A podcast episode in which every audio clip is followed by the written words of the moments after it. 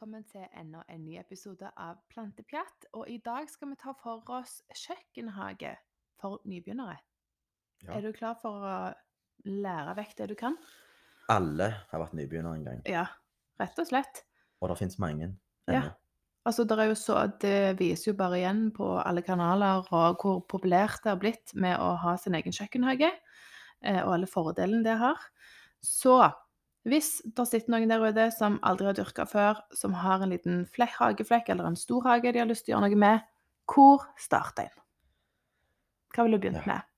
Ehm, når jeg altså skal anlegge en kjøkkenhage, veldig, sånn, veldig enkelt forklart da. Når jeg kjøpte min hage, så gikk jeg ut i hagen, stilte meg midt, altså midt i hagen. Mm. Og så når jeg står midt i hagen der, så er det veldig viktig på en måte å ta høyde for noen som plantene verdsetter, og det er lys, Ja. vær og vindforhold. Fordi Mm. plantene, de må ha det, altså de vil ha sollys, de vil ikke bare stå skyggefullt. Noen Mm. planter trives skyggefullt, men de fleste må ha lys. Sånn er det bare. Ja. Så hvis du har en hage, gå, plass, altså gå bort der det er lys i hagen, sola kommer til. Mm. Det er et tips. Tips to, det er ta forhold til vind og værforhold. Sant? Ja. Der det blåser mye, det er det litt kjedelig for en grønnsak å stå òg. Ja, de kan jo knekke og hele pakka. Så det jeg pleier å gjøre, er å sammenligne en brokkoliplante med, med meg sjøl. Ja. Fortell mer. det er litt sånn Hvor ville du plassert solstolen din i hagen? Ja. Der ville jeg plassert kjøkkenhagen. Der ville du vært. Og det er veldig, Det er veldig godt forklart. Mm, Du får Veldig- ta to stolen med deg rundt. Sitte og kjenne litt. Kjennes bra ut. Det er liksom der du vil sitte og sole deg, der må du avse plassen til kjøkkenhagen. Mm. Sånn er det bare. Og det er jo deilig når du skal være i hagen òg, at det er den beste plassen.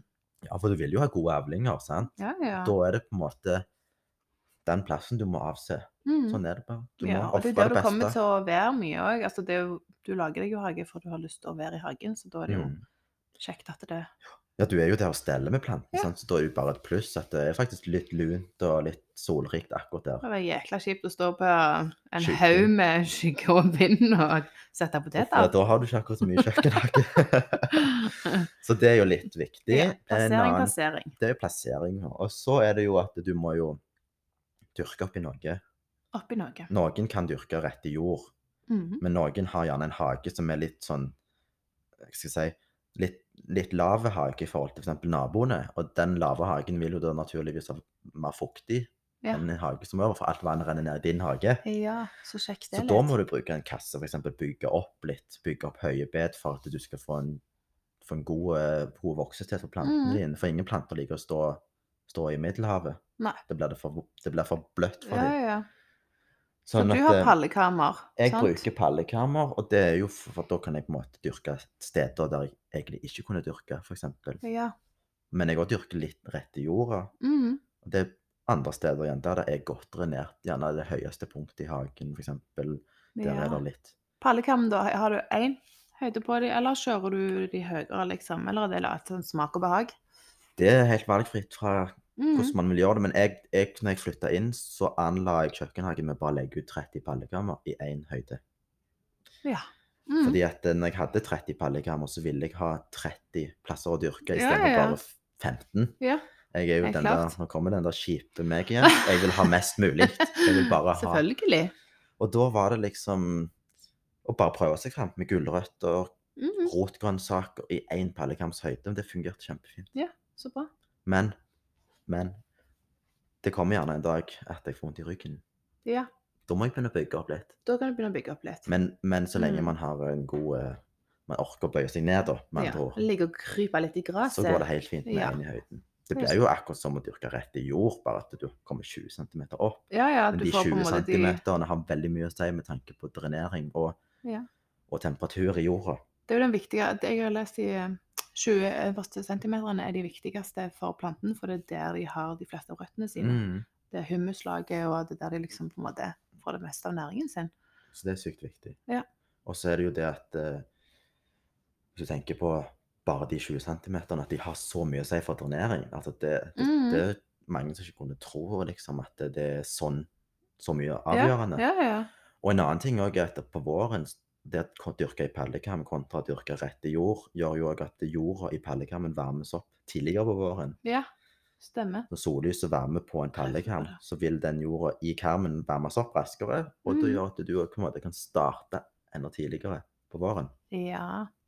Og så er det litt enklere å dekke til. Det finnes jo mye sånn tilbehør til pallekammer òg. Hvis du på en måte ville satt på et lite sånn drivhus eh, Mm. oppå der, så har du liksom Da går det jo enda raskere. Ja, så jeg, jeg liker pallekammer veldig godt. Jeg Det òg. som rammer inn litt. Mm, ja, det ser veldig ryddig ut. Men du kan òg dyrke hvis du ikke har lyst på pallekammer, for det er noen som syns de er forferdelig stygge. Ja, det er er smart å ha. Er smart Noen har sagt det òg. Ja. Så går det an å bygge kasser sjøl Ja. av materialet. Mm. Da er det jo bare å snekre sammen firkanta kasser av materialet hvis du syns det er finere. Eller kjøpe noen, hvis du ikke har tid og mulighet. Og så er det noen som bruker sånne svære kasser, eksempel eh, i, i kortenstål. Ja, det er fint. Det er kjempefint. Veldig fint. Så jeg ser jo det at jeg kan røpe en liten hemmelighet nå, at det, når mine pallekammer, nå som har levd i fire år, de vil jo råtne etter Ja. hvert nå, om ett eller to år, så vil de faktisk talt bli ødelagt. Mm. Og da er min plan å fjerne de Ja, for kortenstål. for korten, Det er veldig fint. Og jeg er jo så, så morsom at jeg skal ha en litt sånn spesiell eh, kjøkkenhage. Sant? Så min plan er å lage runde dyrkebed. Å, det er så fint. Så tenk deg en stor grønn Åh. plen med haug med runde pizzaer som ligger oppå. De Det er så- runde, runde kortenstålene skal Ja. være fullt i grønnsaker. Det er kjempefint med det grønne til kortenset. Ja. Så jeg skal lage masse rundinger i hagen. Haug med ufoer. Nydelige organiske former der han er.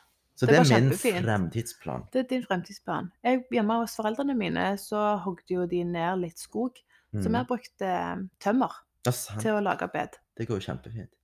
Det trenger jo ikke være store greier. Eh, altså fint, det. Samboeren min bar jo ned disse her hinsides tunge tømmerne, men eh, litt trenger ikke være så store, da. så det er, det er så mange muligheter. Så når du har lagd deg et sånt et bed av valgfri materiale, om en kan si det sånn, Mm. Hva gjør du da? Fyller du det med, hva fyller du det med? Hvis, hvis, eh, hvis noen har fulgt meg på sosiale medier en stund, så vet de at jeg er ganske sånn latmannsgartner. Latmannsgartner. Det er et veldig fint begrep. altså. Ja. Og så er det en eh, person som vil gjøre ting enkelt Mm. og lettvint og raskt. For vi har alle en travel hverdag. Sant? Vi vil bare liksom gjøre unna det kjedelige arbeidet fort. Mm. Så når jeg fyller inn pallekam, så istedenfor å gå på en butikk og kjøpe 100 sekker jord, og stå og åpne disse sekkene og dra dem med en tilhenger, det tar masse tid. ja, det tar mye tid. Så bare graver jeg et hull i hagen. og Så lesser du oppi der.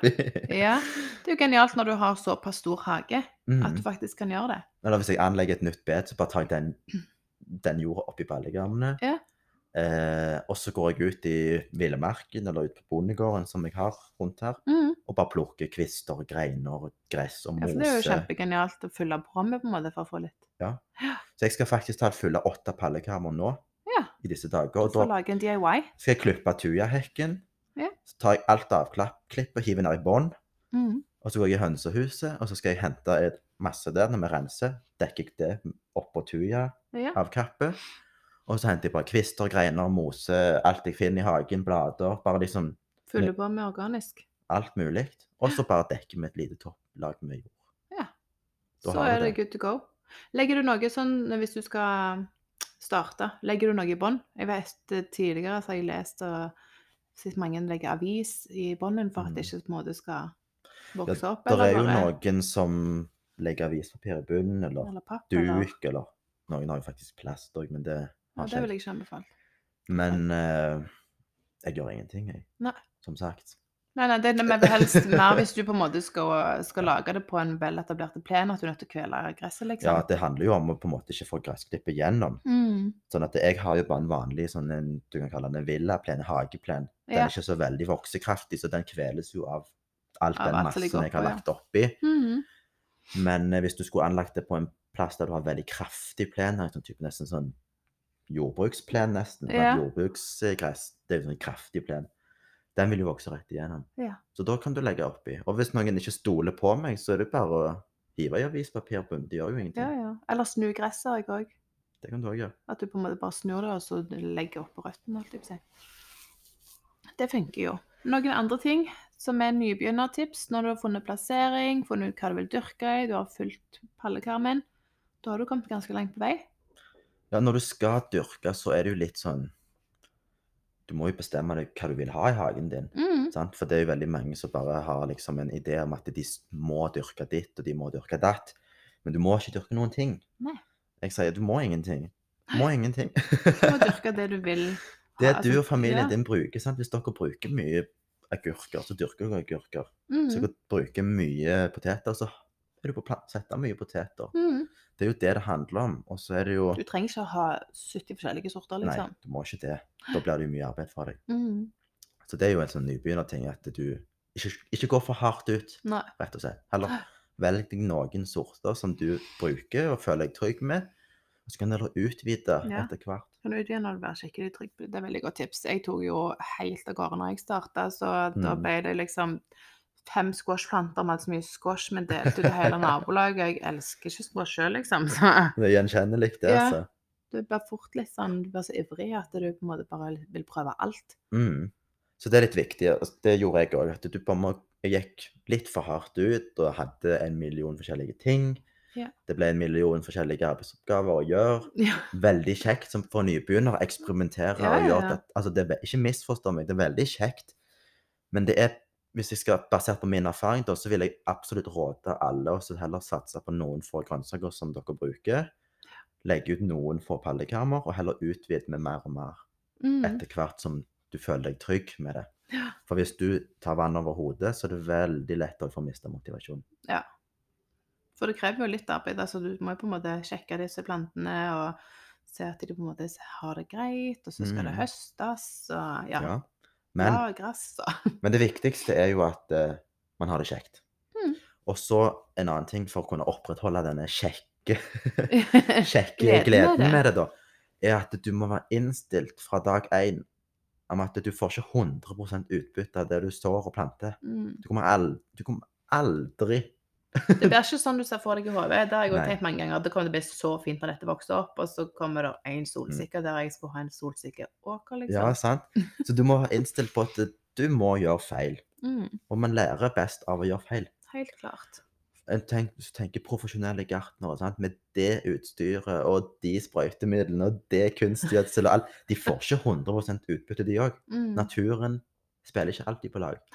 Sånn at hvis du er innstilt på at OK, du må dele litt med skadedyr, du må dele litt med et rådyr Ja. Plant litt Eh. til deg og litt til dyrene. Noen frø spirer ikke i hele tatt.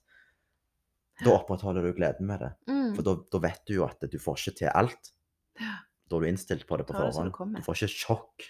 Mm. Du får ikke et sjokk av at uh, brokkolifrø ikke spirte. Men hvis du er innstilt på 100 spiring og alt det der, da får du en overraskelse. Altså. Ja. Og gjerne ikke så positiv overraskelse. Nei. Så det er et råd. Ja, veldig bra tips. Så ellers så føler jeg at vi har oppsummert det ganske greit. Mm. Solrikt, lunt. Eh, velg det dere liker.